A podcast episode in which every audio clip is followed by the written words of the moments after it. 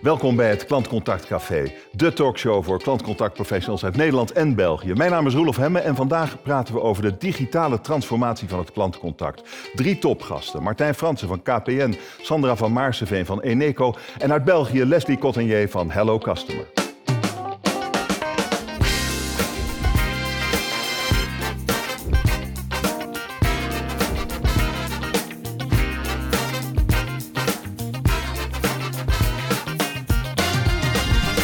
Voor jullie alle drie eigenlijk één simpele vraag.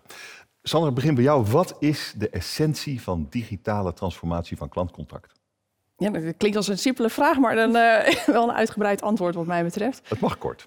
Mag kort, check. Uh, ik denk enerzijds met name richting onze klanten... dat je uh, echt een goede digitale dienstverlening en service gaat bieden... Uh, naast de traditionele kanalen die we van oudsher al, uh, al hebben. Maar wat mij betreft is dat ook een transformatie aan de binnenkant van je organisatie. Dus echt op leiderschap en voor de medewerkers. Een totale transformatie. Een totale, ja. Um, Martijn, wat is het voor jou? Ja, Jamie, ik luister gelijk uh, natuurlijk vol belangstelling mee. Maar ik, als ik het heel kort zou zeggen, is het het creëren van klantwaarde. Voor de klant, maar ook voor het bedrijf. En wat is een klantwaarde precies gedefinieerd? Klantwaarde is uh, vanuit de klant bekeken uh, gemak, persoonlijk, relevant, proactief. Een klantwaarde voor het bedrijf nou, zit meer aan de financiële kant. dat is, kun je er geld aan verdienen, met andere woorden kun je bezuinigen. Of meer omzet maken. Allebei. Nou, allebei okay, denk ik. Dus transformatie ja. voor de organisatie, transformatie in de zin van waarde. Leslie, hoe zie jij de essentie van de digitale transformatie van het klantcontact? Ja, ik ben blij met de uitleg van uh, beide collega's. Ik, uh, ik, uh, in eerste instantie denk ik dat het niet zozeer gaat over digitale transformatie, maar om het inzetten van de juiste kanalen om frictie weg te nemen, om de klant te kunnen helpen en dus ook klantwaarde te creëren. Oké, dat is dan ongeveer de essentie. Ja, we zouden hier natuurlijk drie kwartier over kunnen praten, maar we gaan nog wat meer onderwerpen behandelen. Uh, het, volgens mij zijn we in die digitale transformatie nog niet heel Uh, uit het uh, klantcontactsectoronderzoek van Inspire blijkt dat telefoon en e-mail toch gewoon nog steeds de meest gebruikte kanalen zijn. En dat 60% van jullie collega's in de sector verwachten dat dat dit jaar in elk geval niet zal veranderen. Uh, nou, KPN en, en Eneco zetten heel fors in op het uitfaceren van, van die beide kanalen eigenlijk. Waarom doen jullie dat terwijl eigenlijk de rest van de markt daar nog helemaal niet zo aan toe blijkt te zijn? Martijn. Ja, um, ik, ik, hoor een aanname. Uh, want ik denk dat we daar. Ja, onderzoek. Nou ja, maar van binnenuit beleef ik dat anders. We kijken daar wel met uh, ik denk de nodige voorzichtigheid uh, tegenaan. ik denk dat de uitdaging is om, om niet zozeer uit te faseren, maar die klantvragen op te pakken die zich daarvoor lenen. Om daar eigenlijk te gaan digitaliseren. En daar waar uh, we gewoon nog niet in staat zijn, uh, met name ook de omgekeerde beweging uh, te maken. Mensen snel mogelijk van het web richting customer service te trekken om een goede service te verlenen. Dus het gaat twee kanten op. Overal is natuurlijk wel het belief dat we. Maar waarom is het nou zo belangrijk voor KPN? om de beste dienstverlening, de beste dienstverlener in de markt te kunnen zijn. Dus een goede, een goede hoogwaardige service te kunnen verlenen. En hmm. ja. En, en, voor Eneco, Sandra? Ja, ik herken het wel hoor, dat we heel fors inzetten, maar dat nog ja. steeds ook wel telefoon en e-mail onze grootste kanalen zijn. En mijn, mijn uh, intentie is ook helemaal niet om die volledig uit te faceren. E-mail wel, maar telefoon zeker niet. Ik denk dat dat altijd wel een kanaal blijft wat je moet blijven bieden voor je klanten. Omdat gewoon niet altijd alles in één keer goed gaat. Uh, en je ook klanten gewoon goed wil kunnen helpen met uh, advies dat wat, wat complexer is. Uh, en daar is telefoon juist heel erg uh, een ja. geschikt kanaal ook, uh, ook voor. Dus ik geloof heel erg in de kracht van, van de combinatie van beide. Hoe ver ben je met de digitalisering? nog niet zo ver als dat ik zou willen zijn. Nou, wat percentages, cijfers? Geef me een beeld van hoe ver Eneco ermee is. ik denk dat we nog 75% op telefoon zitten. Oké, okay, dat ja. is heel veel. Ja, ja. en dat ligt een beetje aan welke, welk proces je neemt. Hè, want op, op de saleskanalen zijn we al wat, wat verder. Ehm, ja, hoe komt dat? Ik denk, uh, ik denk dat dat helemaal niet ver afstaat van, uh, van de rest van de markt. Uh, je ziet wel dat er nu een, uh, een versnelling aan het, aan het gebeuren is.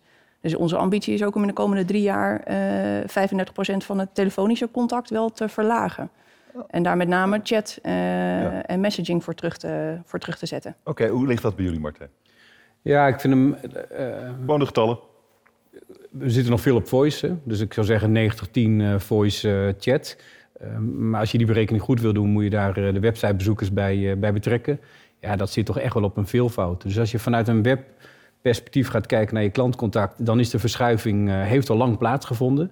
De uitdaging is om eh, na te gaan wat van je webbezoek krijg je alsnog in. eh, Maar verschuiving heeft plaatsgevonden, maar je zegt 90, 10. De meeste mensen bellen toch en, en mailen gewoon. Nee hoor, ik denk als je Wat- kijkt wat- naar eh, de volumes op eh, onze website, dan is het een veelvoud van wat, eh, wat belt. Dus daar, eh, dat staat in geen verhouding tot elkaar. Dat is zeg maar 1 op eh 10. Dus jij, jij bent met KPN veel verder dan Eneco. Nee, dat Nee, want ik herken precies wat Ja. jij zegt. Dat hebben, Ja. wij, eh, dat hebben wij ook. Maar wat je ziet is dat de digitale wat- kanalen heel erg gestegen zijn. Maar dat dat, dat niet Nee. heel erg heeft, tot een daling heeft geleid zeg maar, in je traditionele kanalen. Dus het totale mate van klantcontact is gewoon veel, veel groter geworden. Oké. De interactie met, eh, met bedrijven.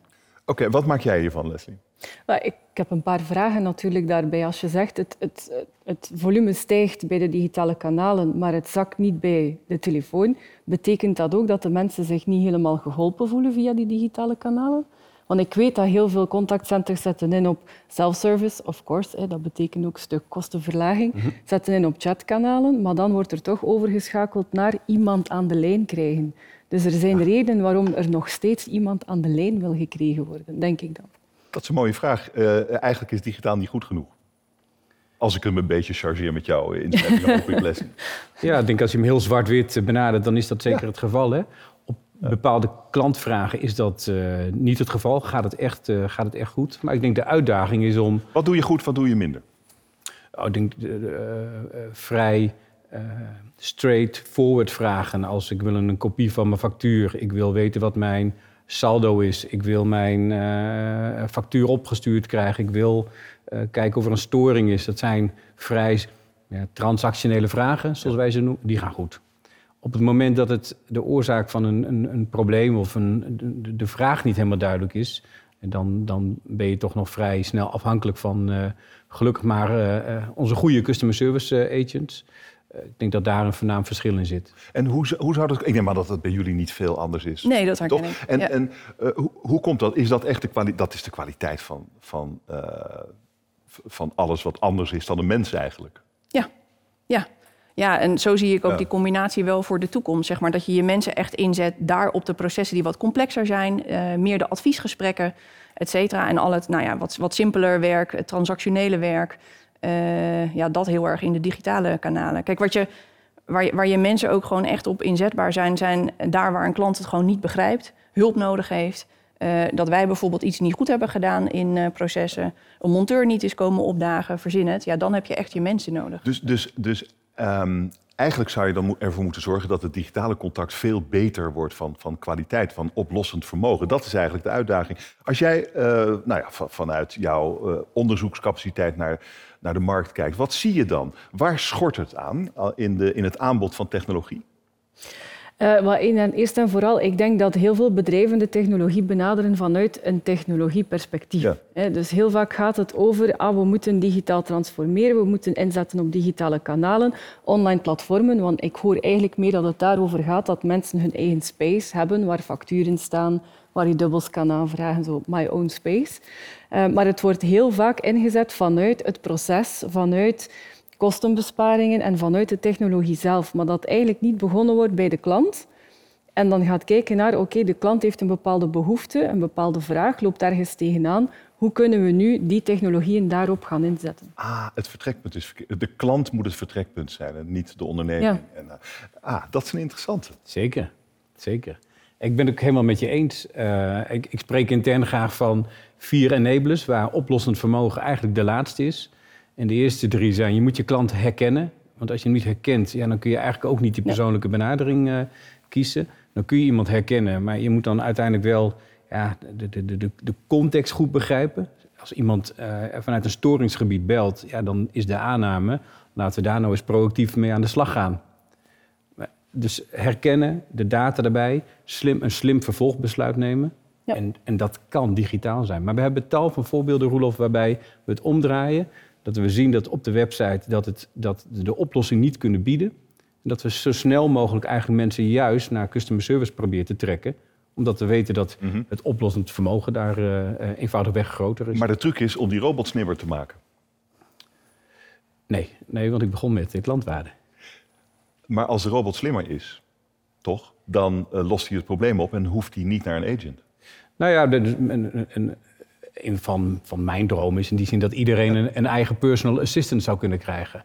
Maar het is denk ik gewoon een ontdekkingstocht uh, waar dat gaat slagen en waar, dat, waar, waar mensen daar niet op zitten te wachten. Of waar onderaan de streep de waarde uh, minder is. En dan kiezen we, ja, maken we toch andere afwegingen. Maar, maar, je moet, maar Sandra, help me even. Je moet, je, moet toch, je moet er toch uiteindelijk, als je wilt digitaliseren... Uh, je wilt van, uh, van al die telefoontjes, al die e-mailtjes af, wat jullie willen... dan moet je toch slimme robotjes hebben. Dan, ja, dan zeker. Moet, dan, moet, zeker. dan moeten die... Wanneer denk je dat dat het geval is? Wanneer zijn we daar? Nou, wij hebben echt bewust bij onze chatbot bijvoorbeeld gekozen voor de aanpak... om hem heel kleinschalig op te zetten vooral heel erg veel te gaan leren en te kijken van hé, hey, waar, waar gaat dat goed, waar gaat dat niet goed. En vooral medewerkers van mijn team die normaliter in de lijn zitten en die dus elke dag klanten spreken, die in te zetten om elke dag die, die bot beter te maken. Die zitten daar gewoon met z'n vieren naar te kijken, elke dag. Ja, we zijn begonnen met twee, inmiddels zitten, Ja, zijn het er vier. is- En die, die volgen alleen maar die transacties. hey, welke vragen stelt een klant? Eh, wanneer eh, herkent de bot hem niet, die, de, de intentie van die klantvraag? Eh, en wat kunnen we er dan, want dan gaat hij naar een live chat agent, maar wat kunnen we eraan doen elke dag om die, om die bot beter te maken? En, en wat, zijn- wat, zijn de, wat- wat zijn de learnings so far? Ja, eh, eh, grote learnings, kleine learnings. Er kwam een heel grappig voorbeeld uit dat klanten vroegen... waar blijft mijn haarborstel? En wij dachten haarborstel, nou, dat herkent de bot niet. Hè? Dus die ging naar een live chat agent. Wat blijkt dat veel klanten dat op hun mobiel doen... en jaarnota door autocorrect wordt vervangen door haarborstel. Dus inmiddels nu, eh, als je vraagt waar blijft mijn haarborstel... dan krijg je gewoon keurig je antwoord. Dan krijg je netjes je antwoord op je jaarnota, ja. Eh, maar- Oké, maar dit is, het is heel, ja, het is natuurlijk, je denkt, wat willen die mensen? Maar dit, dit is een relatief eenvoudig voorbeeld. Waar wordt het echt moeilijk? Ehm, nou, eigenlijk zie ik nog niet heel veel gevallen dat het moeilijk wordt. Maar we hebben wel gezegd, we willen dit heel goed doen met de klant voorop. Dus wat is nou precies die klantvraag? En we gaan gewoon, we gaan gewoon experimenteren. En we gaan, we gaan dit domein gaan we verder opbouwen. Eh, voorlopig zie ik nog niet het einde van dat domein. Waar die ingewikkeld wordt, is meer de interne or- eh, organisatie. En keuzes die je daarin wil maken. Dat we bijvoorbeeld een, een gesprek hebben over... wil je nou het opzeggen van een product of een dienst... ook heel makkelijk beschikbaar maken in een chatbot? Willen we dat? Nou, we hebben nu voor, eh, voor een van onze producten gekozen. Ja, dat, dat gaan we gewoon doen. Want een klant vraagt erom. Voor een klant is dit een super fijn, makkelijk proces... als je dat gewoon online kan doen in onze chatbot... En als die klant wil opzeggen, en ja, we willen eigenlijk liever niet dat hij opzegt, ja, dan hadden we onze dienstverlening maar beter moeten doen. Zo, dat is eh, een vrij harde benadering. Ja. Eh, als het om klantwaarde gaat, is dat misschien niet het beste idee. Eh, Dat, dat, dat weet ik niet. Eh, ik denk dat Nou een klant, als die op, op Je raakt je voorhand... klant kwijt. Ja, maar als ik op voorhand weet dat een bedrijf er zo in staat... dat ik alle minuut kan opzeggen... dan, dan vind ik dat drempelverlagend voordat ik klant word. Dus het heeft denk ik twee kanten. Het heeft ook te maken met vertrouwen. Eh, en ik denk als de vertrouwensrelatie goed is... dat een klant langer bij je blijft. Hè. Dan praten we ook over customer lifetime value. Hè. Hoe langer iemand bij je blijft, hoe, hoe, ja, hoe, hoe beter voor het bedrijf ook. En vertrouwen is daar een essentieel onderdeel eh, van. Dus ik kan eh, abonnementjes bij jou ook gewoon eh, via, de, via de bot, via de chat opzeggen. En- Nee, zover zijn Oh, we nog niet? Oké. Maar dat, Is dat wel de bedoeling? Ja, dat, dat, dat, ehm, dat denk ik wel. Daar zijn we nog niet. Ik, zij Wat houd je ook, tegen? nou, het is ook, het, het, het is ook een ontdekkingstocht. Ehm, eh, werkt het goed genoeg? Missen wij straks het, het, het menselijk contact? Ik denk uiteindelijk... eh, Nee, maar stel- gewoon simpel de vraag. ik, eh, we- Het, het getuigt van enorm zelfvertrouwen. Je zegt, je kan bij ons gewoon in twee, twee, twee eh, kliks ben je gewoon ben je klaar, ben je, ben je weg bij ons, ben je geen klant meer. Dat zelfvertrouwen, wat je ook een goed idee vond. Dus wanneer is dat bij jullie dan ook? Ja, op, op de, dus je vroeg specifiek naar de bot, maar op de website ja. kan dat. Ja. Hè, dus wat dat betreft is dat, eh, eh, Hmm. dat, dat staat er gewoon. Uh, Leslie, dit is, dit is je klant serieus nemen. Ja, absoluut. Wat kan je nog meer doen? Ik denk dat, dat, we, dat we zo een beetje in een, in een situatie komen waarbij we heel hard inzetten inderdaad op die, digitale, eh, op die digitale tools en chatbots en zoveel mogelijk die bots inderdaad slimmer maken. Maar dan stel ik mij ook de vraag, zeker bedrijven zoals KPN en Eneco, waar de afstand tot de klant sowieso al groter is, ervoor zorgen dat ze niet weglopen, is ook inderdaad die vertrouwensrelatie. En dan stel ik mij voor of vraag ik mij af, waar zit empathie nog ergens in het proces? Ehm, het, het, gevoel hebben dat de klant gehoord wordt, het gevoel hebben dat er, dat er geluisterd wordt naar de klant. En zeker op momenten wanneer het fout gaat, dat dan toch net iemand even aan de lijn komt om je gerust te stellen, om te zeggen nee, dit was echt niet oké. We zijn mensen, we horen graag mensen. Er zijn ook wel wat onderzoeken waaruit blijkt dat het heel vaak frustrerend werkt, want ik ben hier nu weer tegen een bot aan het praten, dat mensen er toch zich een beetje ongemakkelijk bij voelen. Of dat er niet te weinig aandacht is ook voor het menselijk contactcenter en wat de rol dan moet zijn van die mensen. Um, in heel het verhaal van oké, hoe blijven we toch dicht bij de klant staan en hoe blijven we een menselijk merk. Dus, dus hoe, hoe blijf je digitaal empathisch? Nee, of ook, of, of ook heel vaak zie je dat het gaat om we moeten het contactcenter reduceren in aantal mensen en de digitale kanalen vergroten. Ik zeg niet dat bij jullie zo is, maar heel vaak is dat de insteek. Maar er wordt weinig gedacht over uiteindelijk die mensen zijn frontline, zijn eigenlijk ja, de, de eerste stap naar het merk. Ze vertegenwoordigen het merk zelf.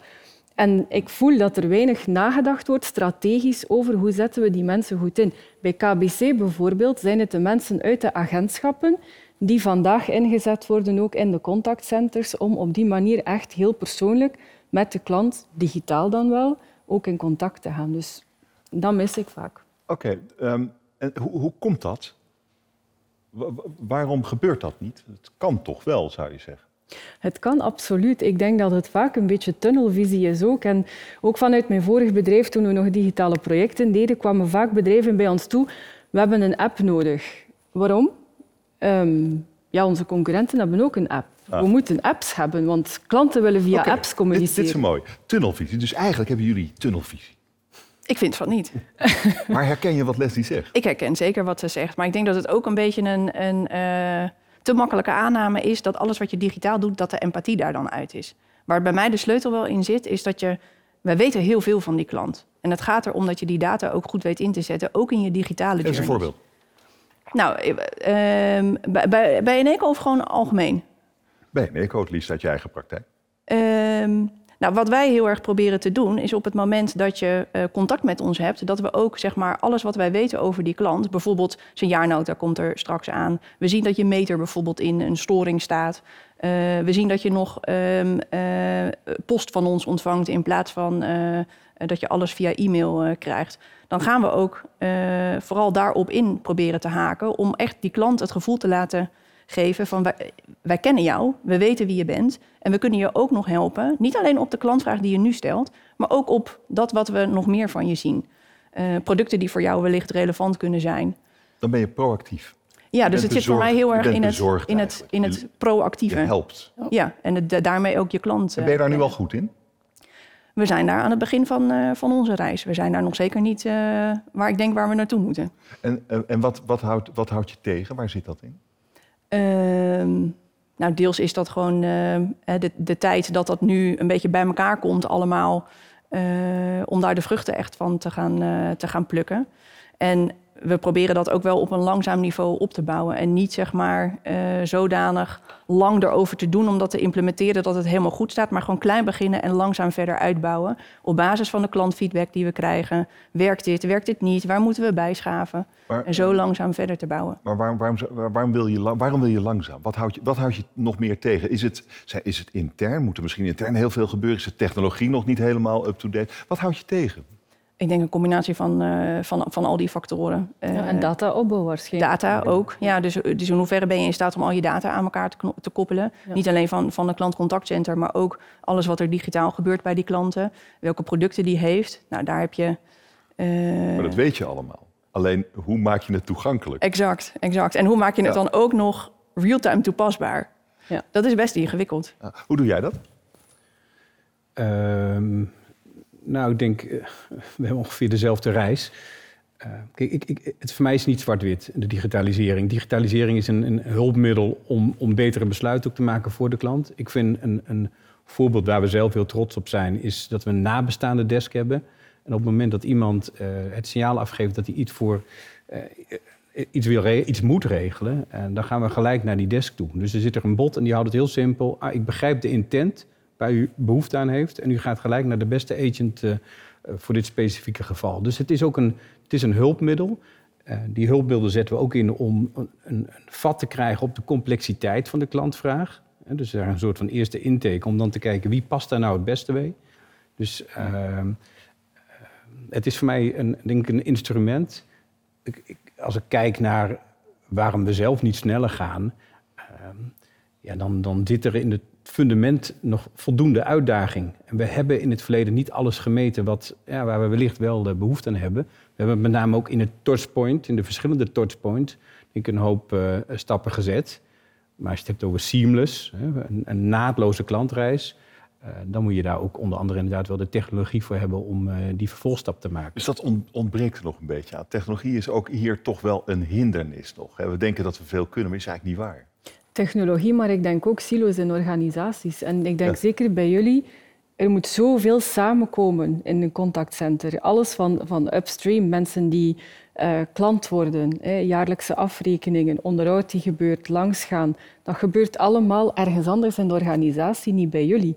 Maar al die informatie moet wel bij jullie kunnen samenkomen. En of dat die persoon dan inderdaad gekend is, of via de chat, ah, we weten wie je bent, of het is een agent die al die informatie heeft, waardoor die zelf proactiever kan zijn. Ik denk dat daar de grote uitdaging ligt, want heel vaak spreken afdelingen niet voldoende met elkaar of werken ze ook niet voldoende samen rond die klant. En wat is er dan nodig om die digitale transformatie te laten slagen, waar alle geledingen van een organisatie aan mee moeten doen? Wat moet er dan gebeuren in een, in een bedrijf? Ik denk dat een bedrijf dat, dat iedereen op dezelfde lijn moet zitten. Van, en het moet van bovenuit beginnen als, als in de top van het bedrijf er onvoldoende waarde gegeven wordt aan die klantwaarde, als klantwaarde een, ehm, een, een, een labmiddeltje is, als die klantwaarde window dressing is, dan, dan kom je nergens. Want dan heb je overal in, die, in het bedrijf andere meningen, andere visies, maar gaat het niet over die ene klant waar alles rond moet samenkomen. Is er een voorbeeld te geven van een bedrijf waarvan jij zegt, die hebben het perfect begrepen? Citizen M. Waarom?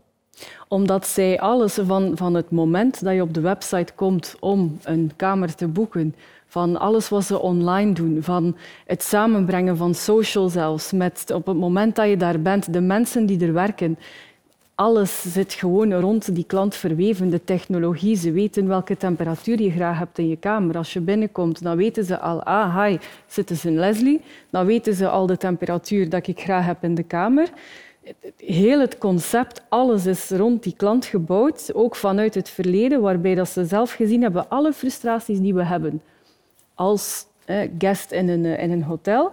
Daar hebben ze rond gewerkt en gezegd, oké, we gaan een volledig nieuw concept bouwen. Wat is hun voordeel geweest? They could build from the ground up. Ja, je hebt hier te maken met een digital native bedrijf eigenlijk, terwijl we hier natuurlijk met grote, al lang bestaande bedrijven te maken hebben. Ik denk dat dat misschien wel een hindernis is om al die problemen die je in een organisatie hebt, om die op te lossen. Uh, dus, um, maar daar ben je natuurlijk wel mee begonnen. Hoe doe je dat? Hoe krijg je uh, de rest van je organisatie zover dat ze bijdragen aan jouw eindresultaat? Wat dan meteen ook het eindresultaat van, van de hele onderneming moet zijn een blije klant. Ja, exact. Ik denk dat we daar wel steeds beter in, uh, in slagen. Als ik nu kijk hoe de afgelopen jaren het, de organisatie echt heel erg klantgericht is geworden. Nou, bijvoorbeeld van die keuzes van ga je het opzeggen van een product wel of niet beschikbaar maken, makkelijk voor een klant. Ja, dat zijn dingen die we nu, waar we nu wel voor kiezen om dat, om dat te doen. Uh, wat misschien tien jaar geleden nog niet, uh, Heb je daar, het geval was. Wie, was het jouw idee? Het was niet mijn idee, nee. maar wel uit, jou, uit jouw club? Maar, eh, nou ja, goed. Nou ja, met, met elkaar doen we dat soort... Hoeveel weerstand ontmoet je bij dit soort, uh, bij dit soort uh, voorstellen? Nou, ik merk wel dat mensen dat, nog, dat wel ja. spannend vinden, ja. ja. Uh, maar, en dat is wat mij betreft ook wel de digitale transformatie... is echt wel naar een ander soort van leiderschap. En veel meer experimenteren, goed naar je klant luisteren... uitproberen. Werkt het niet? Prima, dan gaan we wat anders doen. Dan gaan we bijschaven. Uh, maar in ieder geval een stap naar voren zetten... en een beetje lef erin, erin brengen. Dus de allerhoogste baas moet het ook snappen? Ja. En... Nou, ze niet per se te snappen, daar heeft hij ook, ook ons uh, voor. Maar wel, wel je experts ja, ja. het podium geven. Ja, Leslie zit te knikken. Ja, ja. Die da, moet daar, er, dat is de crux, er, hè? Ja, die moet er absoluut in geloven. En die moet inderdaad de vrijheid en het leiderschap geven aan de juiste mensen... om het dan ook effectief klaar te krijgen. Ja. ja. Um, wanneer zijn jullie zover? Nou, als ik er één woord op zou plakken zelf, dan zeg ik nooit. Oh, nooit? Ja. Ja, zo blijf je wel bezig. Ja, dat is ook... Uh... Nee, de- ik denk dat er, dat er continu weer iets, iets nieuws op je pad komt waarin je mee moet eh, bewegen. We hadden, wij waren best wel in een goede flow qua volume in het, in het customer service. En in één keer is daar de pandemie. En dan merken mensen hoe, hoe eh, van vitaal belang hun, hun connectie is. En dan krijg je dat ze daar dag in dag uit en de hele dag door mee te maken hebben. En dus gaan bellen als het maar even hapert. Dat was voorheen niet het geval, want men was overdag gewoon op het werk. Hè, dus een onvoorziene omstandigheid waar je ja, in mee moet gaan bewegen. Nou, dat is maar één voorbeeld. Eh, er zijn, eh, eh, vanuit wetgeving eh, eh, kan daar natuurlijk een hoop gebeuren... waardoor je minder zicht hebt op, eh, op, op je klantprofiel, er rekening mee moet houden. En dus eh, eh, beperkingen daarin hebt hoe, hoe bijvoorbeeld persoonlijk relevant te worden. Eh, wat, wat wil een klant eigenlijk? Ehm, dat, is natuurlijk, dat, dat is natuurlijk ook de grote. Wat vindt de klant in het algemeen van digitalisering? Wat zie jij? Wat dat wij zien, vooral in, in, als wij feedback bevragen natuurlijk bij klanten, de algemene tendens, en dat is eigenlijk al zoveel jaren zo, dat klanten nog altijd persoonlijk contact heel hard appreciëren. Wij zien dat ook als we binnen contactcenters alle eh, touchpoints gaan, gaan uitmeten, is het nu chat of e-mail. Of, en dan kunnen we ook die kanalen gaan vergelijken. Dan zien we toch vaak, als de mensen genoeg opgeleid zijn, want dat is dan ook nog een, een, een, een uitdaging als je met mensen werkt, dat dat persoonlijk contact vaak hogere scores krijgt dan de digitale kanalen. Op vandaag kan verschillende ehm, oorzaken hebben. We zien heel vaak dat het te maken heeft met ja, ik werd eigenlijk niet geholpen. Of de, de, de robot snapte mij niet. Of ja, ik heb het vijf keer moeten uitleggen. Of, terwijl als ze dan iemand aan de lijn hebben, wordt heel vaak het niet direct geholpen worden wel gecompenseerd door de empathie en de vriendelijkheid van de persoon die ze aan de En lijn kan dat ook in een chat? Ik denk wel dat het kan in de chat. Want één agent kan natuurlijk wel vijf eh, chats in de, in de lucht houden tegelijkertijd. Ja, misschien wel Ja. meer. Ja, die kan dat, die Nee, kan je- dat eh, zeker. Martijn, wat Nou, is... vijf is wel heel veel. Oh, ja. vijf is veel, oké. Nou ja, laat in elk geval een paar. Ja, het ligt aan, wederom aan, aan het type klantvraag. Als dat vrij straightforward is, dan is dat prima te doen. Hè? Dus ik, ik druk en ik geef hier een kopie factuur en daar doe ik er een. Maar als het, het het begrijpen van de thuissituatie is waarom een signaal niet optimaal is, Mm. Ja, dan zijn dat eh, verschillende stappen die. Maar eh, daar kun je dus ook die empathie waar Leslie over spreekt wel inbouwen. Zeker. Chat is toch menselijk contact. We zitten de hele dag te appen, toch? Exact. Wij zien ook dat de klanttevredenheidscijfers op, op, eh, op chat eh, minimaal hetzelfde zijn als eh, op telefonie. Ja, zwakke schakel is de bot eigenlijk. Nee, wat ons betreft niet. Oh, niet? Nee. Nee, want ook op de, op de chatbot, dus de Als klanten maar- die van A tot Z in de bot geholpen zijn, is de klanttevredenheid ook heel Ja, hoog. Oké, maar het, het, het, het, eh, de uitdaging is dan om ervoor te zorgen dat waar het begint te wringen, dat je dan snel kunt doorschakelen naar chat Exact. of, ja. of Ja. eh, voice. Ja, Dat, dat, zodra de bot de, eh, de, vra- de vraag van een klant niet goed herkent, niet voldoende herkent, het antwoord niet heeft, dan gaat die, gaat die rechtstreeks naar een, een medewerker. En dat moet je heel goed inrichten. Ja. Ehm, en, en dat een klant niet in een loopje komt met ik begrijp je vraag niet. En dan Ja. gaat die klant het nog een keer doen. En, ja, dan Ja, krijg je heel veel frustratie. tussen kanalen. Hè? Ja. Ja, en, en eh, lukt het? dat lukt best goed. Ja, ja. Maar dat komt ook omdat we dus hebben gekozen om, eh, om daar heel veel effort in te stoppen. Ja. Om elke dag die bot een stukje beter te maken. En, en bij jullie, Martijn? Ja, het is vergelijkbaar. Ik denk dat, dat juist de bot in tegenstelling tot, tot, tot de website eh, eh, tot voor kort, hè, binnenkort gaan we daar wat veranderingen in doorbrengen. Een heel mooi voorbeeld is als het niet lukt dat het eigenlijk naadloos in een gesprek met een medewerker over gaat. Als je op de website iets niet eh, weet te vinden, dan ga je op zoek naar telefoonnummer, dan moet je bellen. Dat is minder gemak. Dus ik denk dat het mooie voorbeelden zijn waar Eneco en KPN denk ik eenzelfde, op eenzelfde manier naar, eh, naar kijken. Ja. En, dan, en dan opnieuw, als ik mag Ja, toevoegen. zeker. Ga je gang. At the end of the day, uiteindelijk gaat het erom dat het probleem van de klant wordt opgelost. Exact. Ik heb, ik heb geweldige chats met bepaalde leveranciers waar ik dan vragen aan stel. En dan wordt er ook inderdaad heel empathisch gereageerd. Maar drie maanden later blijkt het probleem nog steeds niet opgelost. En vandaar dat ik zeg, eigenlijk zijn het alle actoren in het bedrijf die moeten Is samenwerken. dit, is dit iets wat je breed ziet? Gewoon, we zijn heel empathisch, maar zoek het maar uit. Wat je ziet is gewoon dat de, de verschillende actoren te weinig samenspelen In een organisatie. in een organisatie. Oké, want daar waren we eigenlijk, daar waren we nog, dat hadden we nog niet helemaal afgemaakt. Dat is natuurlijk wat je moet doen. Je moet er natuurlijk voor zorgen dat precies dit gebeurt. Dat als de, als de agent of de, of de bot belooft er gaat iets gebeuren, dat het ook echt gaat gebeuren. Da- daar zit nog een zwakte, zeg je Ja, eigenlijk. dat denk ik. En oké, hoe ga je dat dan oplossen in je onderneming, Martijn? door je medewerker daar eh, autonomie in te geven, door, door eh, vrijheid eh, eh, om, om het op te lossen. Eh, Oké, hoe doe je dat? Vrijheid om het op te lossen. De agent eh, moet iets op gaan lossen, dan moet hij iemand anders gaan vragen. ja. Oké, en dan? dan het- zegt die ander misschien nu even niet. Of maar dat kan zomaar niet. Of eh, hij neemt zijn telefoon niet op. Of, daar beginnen de problemen, denk ik.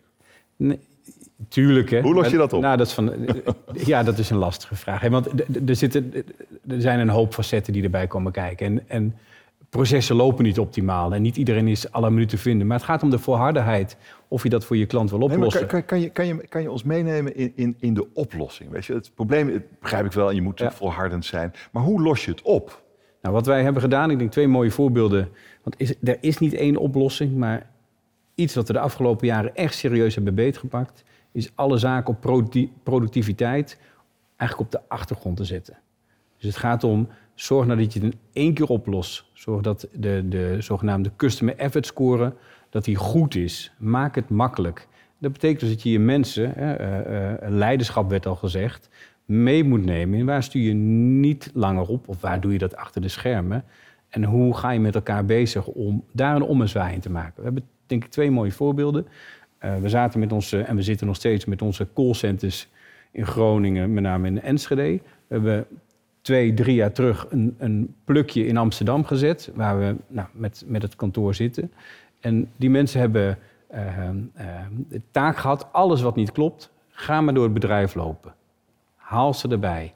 Maar omgekeerd ook, van kom meeluisteren, ga het zelf ervaren. Heel leuke dingen die hebben geholpen is een, een wall of fame. Of ja, als je er niet op staat, dan gaat het misschien de andere kant op. Maar de marketingdirecteur stond er, want die was er al geweest en die had meegeluisterd. Proberen het bedrijf klein te maken en bij elkaar te brengen. Ja, dat is niet de finale oplossing, maar het zijn allemaal kleine stapjes die, eh, Ja. die daarbij helpen. Mis- mi- misschien is het wel de finale oplossing. Als iedereen dezelfde focus heeft op de klant. Als je dat kunt bereiken en dat de muren tussen de verschillende afdelingen die iets moeten doen om die klant blij te maken weggaan. En misschien de agent een soort CEO van het probleem wordt. Is dat, is, is dat een, een richting waarin jullie denken? Ja, dat, her- dat herken ik wel eh, voor een deel inderdaad van wat wij ook doen. Ik denk wat bij ons ook heel erg heeft geholpen, is dat we... Voorheen was, was het eh, de, de, de, de pieken in klantcontact, eh, problemen die niet opgelost werden. Dat was het probleem van, van mijn afdeling. Ik zat met een, met een budget, eh, te hoog budget, daar ging ik ver overheen.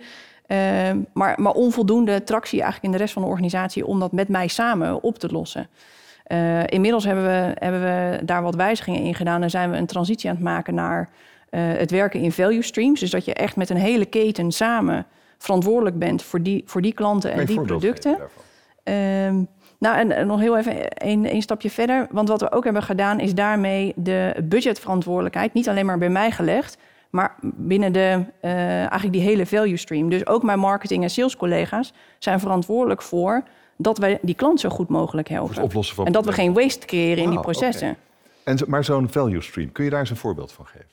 Nou, we zijn, we zijn er nog net niet, want we zijn nu die, die switch Aha. aan het maken as we speak.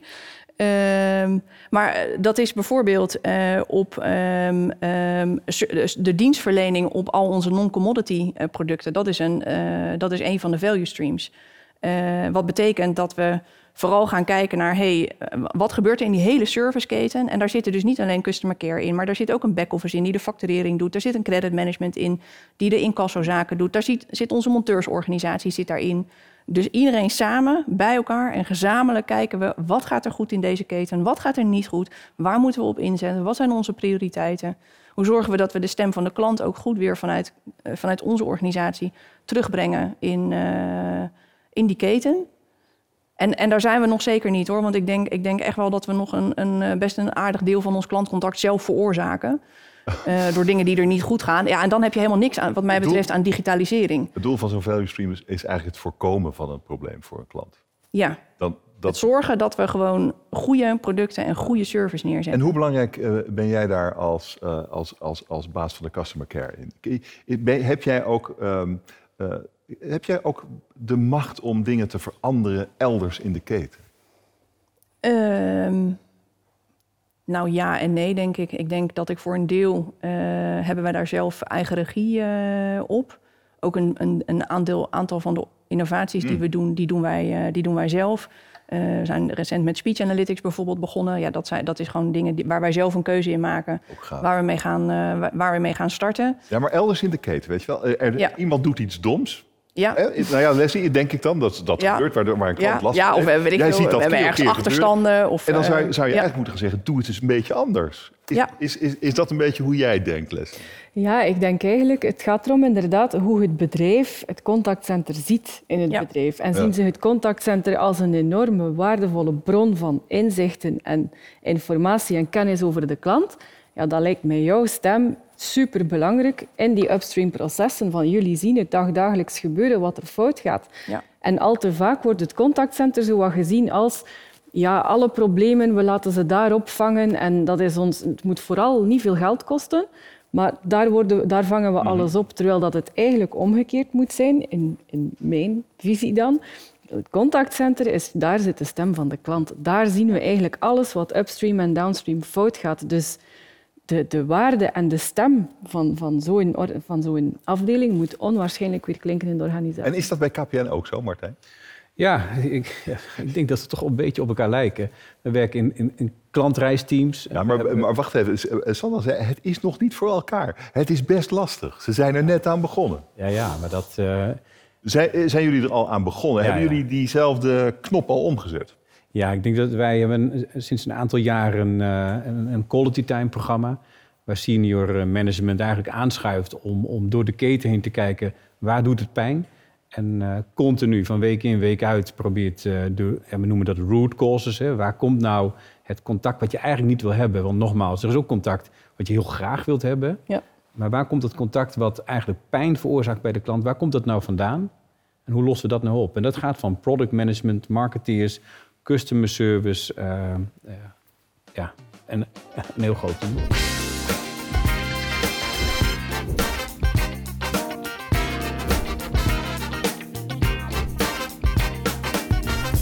De klanten eh, zijn natuurlijk heel verschillend. Je hebt oudere mensen, je hebt hele jonge mensen die gewoon die, die nooit zouden bellen of mailen, want dat doen ze niet meer.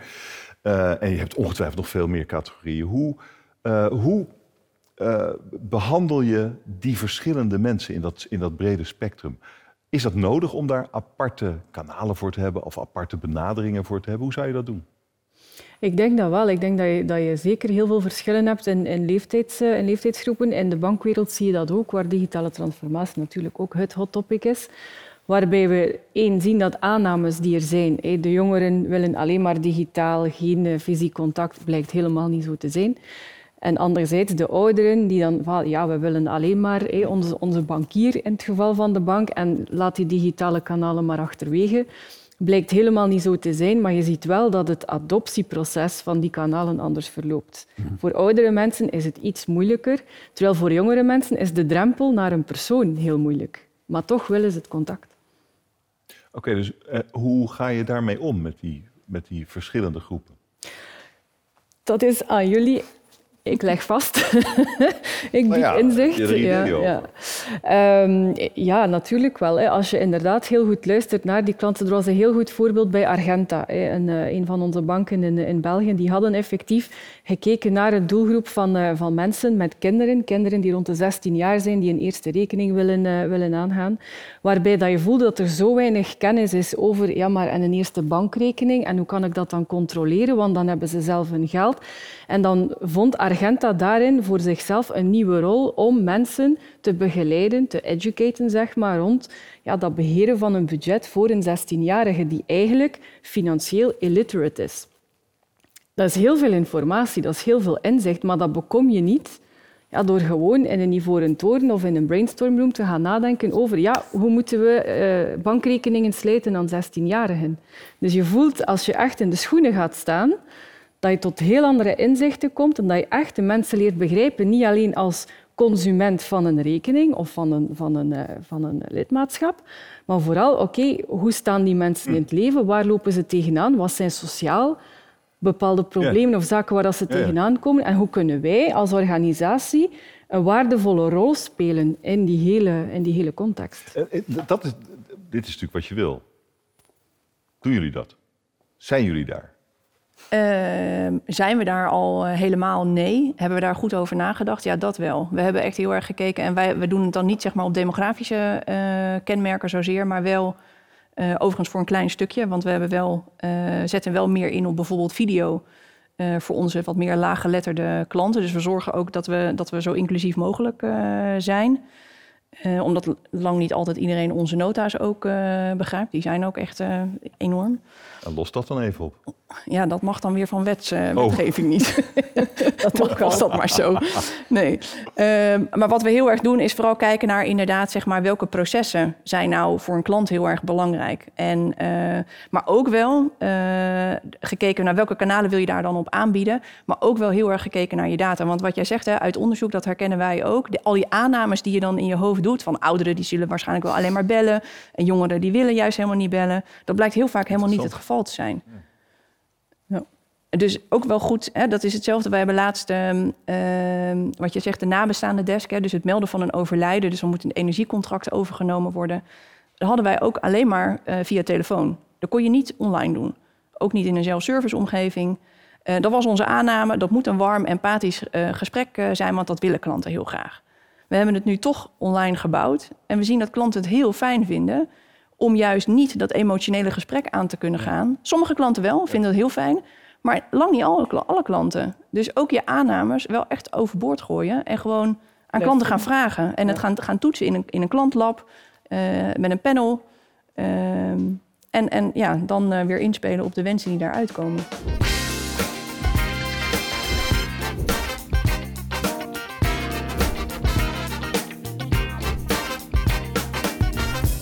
Is, het, eh, is al een paar keer gevallen, het woord spraakherkenning. Wat fascinerend is. Dat je, eh, hoe ver zijn we daarin? Hoe goed kunnen we dat? Ja, afhankelijk van het doel eh, varieert dat. Maar als je het hebt over het bellen naar KPN, dan zit daar denk vijf, zes, zeven jaar een open vraag spraakherkenning. En die, die routeert erg goed. Dus dat, op dat vlak gaat dat prima. Eh, waar we aan het kijken zijn, hè, want digitaal is ook om je medewerker eigenlijk te ondersteunen, om het makkelijker te maken. Automatisch loggen van een, van een contact gaat ook op eh, speech-to-text, gaat ook goed. Het, het aanbieden van een, een geschreven summary, daar zijn we nog lang niet. Dus uh, we zijn bezig met, met andere woorden. Het leuke is, ik hoorde hem net ook ergens, ook om, om inzichten van het gesprek eigenlijk terug te koppelen aan een, aan een agent. Ook daar, daar draaien we op dit moment mooie proeven mee van het omzetten van spraak naar tekst. En hoe correleert dat zich dan aan de, aan, aan de tevredenheid van de klant? En hoe hebben we dan inzichten straks waarop we kunnen coachen? Dus, uh, en, en waar, het is dus uh, tot op zeker niveau is het uh, heel handig. Um, maar de, als, je, als zodra ook hier het weer ingewikkelder wordt, ontstaan er problemen. Waarom is het toch belangrijk om dat door te blijven ontwikkelen? Wat heb je er uiteindelijk aan als het, als het een hoger niveau bereikt? Ja, we, we zetten in op, op een tweetal aspecten. Uh, ik denk het, het, gemak voor de medewerker. Dus hoe makkelijk we het proces om hem of haar heen kunnen maken. Hoe meer tijd er overblijft voor de klant. Dat is één. En hoe meer we zeg maar, kunnen noteren. Uh, ook binnen de kaders uh, die ook wij kennen. Ja, hoe, hoe, meer zicht we krijgen op, op, op, op de klant. En dat is van belang, denk ik. Hè, op, nog even het antwoord op de vorige vraag van ons, van ons uit bekeken. Is dat je de klant moet kennen. Dat je de relatie moet opbouwen. En dan zit je dus weer dat je letterlijk moet herkennen en moet zorgen dat die, ja, dat die context om je heen bekend is. Want anders hebben we een, steeds een, ja, een nieuwe relatie die we aangaan. En dat, dat, dat wil je niet. En bij jullie spraakherkenning? Ja, wij doen eigenlijk hetzelfde als wat, uh, wat KPN uh, doet. Dus als je als belt als klant, dan krijg je bij ons uh, wat wij noemen de digitale assistent aan de telefoon. Ja. Die vraagt waar je over belt. En wij hebben ook nog een stukje van het eh, vervelende AVG-proces uh, ook helemaal in spraak uh, gedaan. Dus wat, ik, ik, wat wij altijd heel vervelend begin van het gesprek uh, vonden... dat als je als klant belt en je wilt iets... dan moet een agent je gegevens gaan opzoeken... maar dan moet je eerst verifiëren of die klant wel is wie die zegt dat hij is. Zijn we verplicht om te doen, is niet een heel warm begin van het gesprek. Dus dat doen we nu ook helemaal met onze digitale gastvrouw... En dat gaat zo in zo'n 75% van de gevallen gaat dat. Ze? Ze heeft geen naam. Ze heeft gewoon digitale gastvrouw. ja. Wat, wat, wat, zijn eigenlijk de risico's? Hè? Van, uh, als, je, als je meer digitaliseert, krijg je natuurlijk ook meer risico's. Uh, je hebt meer data, meer data op meer plekken, meer risico's zou ik zeggen. Spraakherkenning is ook wel. Zou je daar ook niet mee kunnen frauderen? Weet je? Als je iemand zijn stem ergens vandaan. Mijn stem is vrij veel overal gewoon uit te pakken. Zou iemand daar dan mee kunnen frauderen bijvoorbeeld? Wat zijn de risico's van het digita- digitaliseringsproces? Nou, we zijn nog niet zover dat we, dat we van klanten de, de stem eh, biometrisch kunnen herkennen. dat Nee, dan weer niet. Maar eh, boeven kunnen veel natuurlijk. Ja, kijk, als je echt misbruik wil maken, dan... Zie je nieuwe dan- risico's dan- door deze digitalisering? Nou, wij zijn wel altijd heel goed aan het kijken, inderdaad, van met alle veranderende processen en, en nieuwe kanalen die er ook bij komen. Hoe zorg je er dan voor dat je goed in control bent van je, van je risico's? Dus Nou, dat, dat, dat is dat- wel fijn ja, dat wordt wel steeds. eh, ja, dat, ik moet zeggen, wij zien niet eh, eh, een verhoogde, verhoogde fraudezaken of eh, misbruik daarvan. Nee. Er is nog een ander ding. Eh, als je iets zo digitaal optuigt, kan het ook stuk. Wat gebeurt er als het stuk gaat? Dan zijn, Wat als het mensen. plat ligt? dan zijn daar de mensen, denk ik. Zijn er voorbeelden van? Eh, ik denk dat eh, bij ons in België dat bij Proximus wel even heeft plaatsgevonden eh, in de voorbije maand. Dat alles lag plat en ook het contactcenter was sterk op bespaard. Dus dat is een hele zaak geweest in België wel en dan kan het heel veel geld kosten.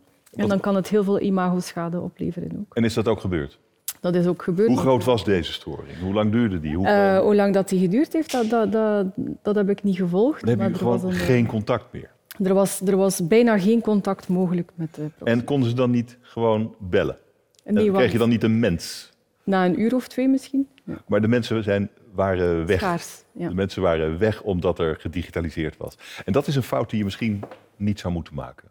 Vind je het een fout eigenlijk? Ik, is het een fout? Ik denk dat het een fout is als je inderdaad, zoals we al gezegd hebben, puur gaat kijken naar we moeten besparen op de mensen, inzetten op digitaal, omdat het contactcenter iets is waarop moet bespaard worden en een Ja. uitloper is van de organisatie. Eh, nou, laten we even, nou, misschien het moment van de waarheid. Waar, waar, waar krijg jij een bonus voor eigenlijk? Eh, klanttevredenheid, eh, mijn, eh, in, mijn, mijn salesaantallen en eh, het halen van mijn budget. Oké, dus niet door je service goedkoper te maken. Niet door customer care goedkoper te maken. Niet door mensen eh, eruit te, te, te vatten. Nou, ik moet mijn budget halen, dat wel. En daar zit wel elk jaar een besparingstarget Oké, dus eh, je krijgt een bonus om eh, afscheid te nemen van agents eigenlijk. Als ik zeg het heel zwart-wit. Ja, Geldt dat voor jou ook, Martijn?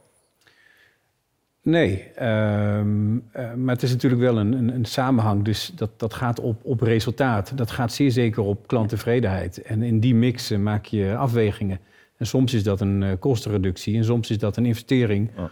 om eh, ja. meer waarde te, te realiseren. Dus Ik- dat is niet zo digitaal. Nee, nee, oké. maar, maar dit, is de even, de, het, dit is het slappe koord, denk ik, hè? Maar ik denk, het, is, het, is, het, moet, het moet in balans zijn natuurlijk. hè. En de ideale situatie is is Ehm, het- het- ik weet niet of jullie ooit al gevlogen hebben met Norwegian Airlines. Zeker eens doen als we weer mogen vliegen. Is ehm, een low-cost carrier. Maar wat zij gedaan hebben, ik heb heel die vlucht gefascineerd zitten rondkijken. Dus normaal gesproken op een, op een vlucht, als je iets wil, een drankje of zo, je moet zo heel ver reiken om eh, het knopje te vinden. Dan moet iemand langskomen, dan vraagt hij, wat wil je? Dan zeg je wat je wilt, dan gaat hij terug weg. Een half uur later komt hij terug. Dus je ziet mensen eigenlijk heel vaak niets bestellen op een vlucht, behalve de momenten dat ze komen. Wat heeft Norwegian Airlines gedaan? Die hebben gezegd, wij gaan het digitaliseren. Dus digitaliseren is helemaal niet vies. En wat het was, is een, een eh, touchscreen kiosk. Eén keer je creditcard swipe, want ook dat is een probleem. Hè. Dan moet je betalen. Dat colaatje van 5 euro moet je dan betalen. Dan begin je te grijpen. Oei, het zit van boven. Dus niemand doet het. En het is gewoon één keer swipen, dan je open a tab. Dat is geweldig. En dan kan je gewoon, ah, ik wil chips, ik wil dat. En ze komen het brengen. Dus één, die, eh, de crew moet maar één keer langskomen, dus die zijn een stuk ontlast. Twee, het is super gemakkelijk. Je, je press en het komt uit de lucht gevallen bijna. En drie, je hebt niet het gevoel dat je heel de vlucht hebt zitten betalen. Dus wat gebeurde er op die vlucht? Dat was een continu aanvoer van drank, eten. Dus ik dacht, dit is een zeer lucratieve vlucht. Ja. En ik ben zo gelukkig. Dit is de, dit is de ideale wereld. Ja. Hij is er dus al. Eh, waar, waar, denk je, waar denken jullie dat jullie staan over, laten we zeggen, een jaar of vijf? Als je gewoon mag dromen, wat zou je dan willen, Sander? Nou, ik, ik, eh, met name zeg maar de, de pijnpunten waar onze klanten nu nog tegenaan lopen. En dat maakt eigenlijk niet uit in welk kanaal dat is. Hè. Of dat nou in telefoon is of, of digitaal. Eh, waar klanten niet uitkomen. Vaak, vaak met name zeg maar de, de onderliggende oorzaak dat iets eh, niet goed is gegaan of waar ze vragen over hebben. Dat we gewoon echt wel beter in staat zijn om dat eh, te doen. Gewoon echt met, met als doelstelling om onze klanten langer bij ons te houden. En daarmee weer als doelstelling, omdat we ook gewoon voorop willen lopen in, eh, in, het, in, in de verduurzaming, in de energietransitie. En hoe ziet het er dan uit? Hoe ziet jouw jouw jouw klantcontactcenter er dan uit? Hoe ziet jouw klantcontact? Nou, ik vind het helemaal niet erg dat we uiteindelijk met minder, met minder mensen eh, gaan doen. Want ik ben ervan overtuigd dat. Kijk, we hebben de afgelopen jaren heel veel dingen gedaan om efficiënter te gaan werken. Maar uiteindelijk zit er echt nog te veel eh, waste in onze processen die, er, die eruit moeten. Eh, klantvragen waar. Weet je, klant belt niet voor, een lol naar, een- voor zijn lol naar een energiebedrijf. Dat zijn, het is maar echt maar een klein stukje waar wij echt goed advies kunnen geven over het verduurzamen of over de nota. Of dat zijn de contacten die je graag wil houden. Maar dat is zeker niet de, het, het percentage klantcontacten wat wij nu nog hebben. Ehm, dus, dus een kleiner team, maar wel met veel meer inzet op, eh, op echt die kwaliteit en, eh en dat En duurzaamheidsadvies. wat is jouw gedroomde klantcontact, Martijn? Ja, dat we eh, echt persoonlijk zijn geworden. En dat we op een proactieve manier daarmee om kunnen gaan. En vooropgesteld dat we de, de problemen die we niet hoeven te veroorzaken, ook niet veroorzaken. Maar daar waar het misgaat, dat we zelf eh, eh, in controle komen, dat voor de klant proactief oplossen. Ehm, en ik, ik zie dat gebeuren met inderdaad ook een, een, een, kleinere groep. Maar wel met mensen die eh, nog meer dan voorheen die complexe wereld aan moeten kunnen. En wellicht is dat veel meer in huis. Hè, dat we niet alleen meer naar de, de, de, de, de verbinding kijken, maar alles wat ermee correspondeert. Dus er zullen ook wellicht weer nieuwe markten opengaan. En eh, vandaar, ja, hoe het eruit ziet, ik weet het niet. Maar dat het persoonlijker moet en dat we daarin proactiever eh, aan de slag eh, gaan, dat weet ik zeker. Ik wil u hartelijk danken voor dit gesprek. Dank jullie zeer. Dit was Klantcontact Café over de digitale transformatie van het klantcontact. Hier is het nu afgelopen, maar u kunt online nog even verder praten met mijn gasten. Bedankt voor het kijken.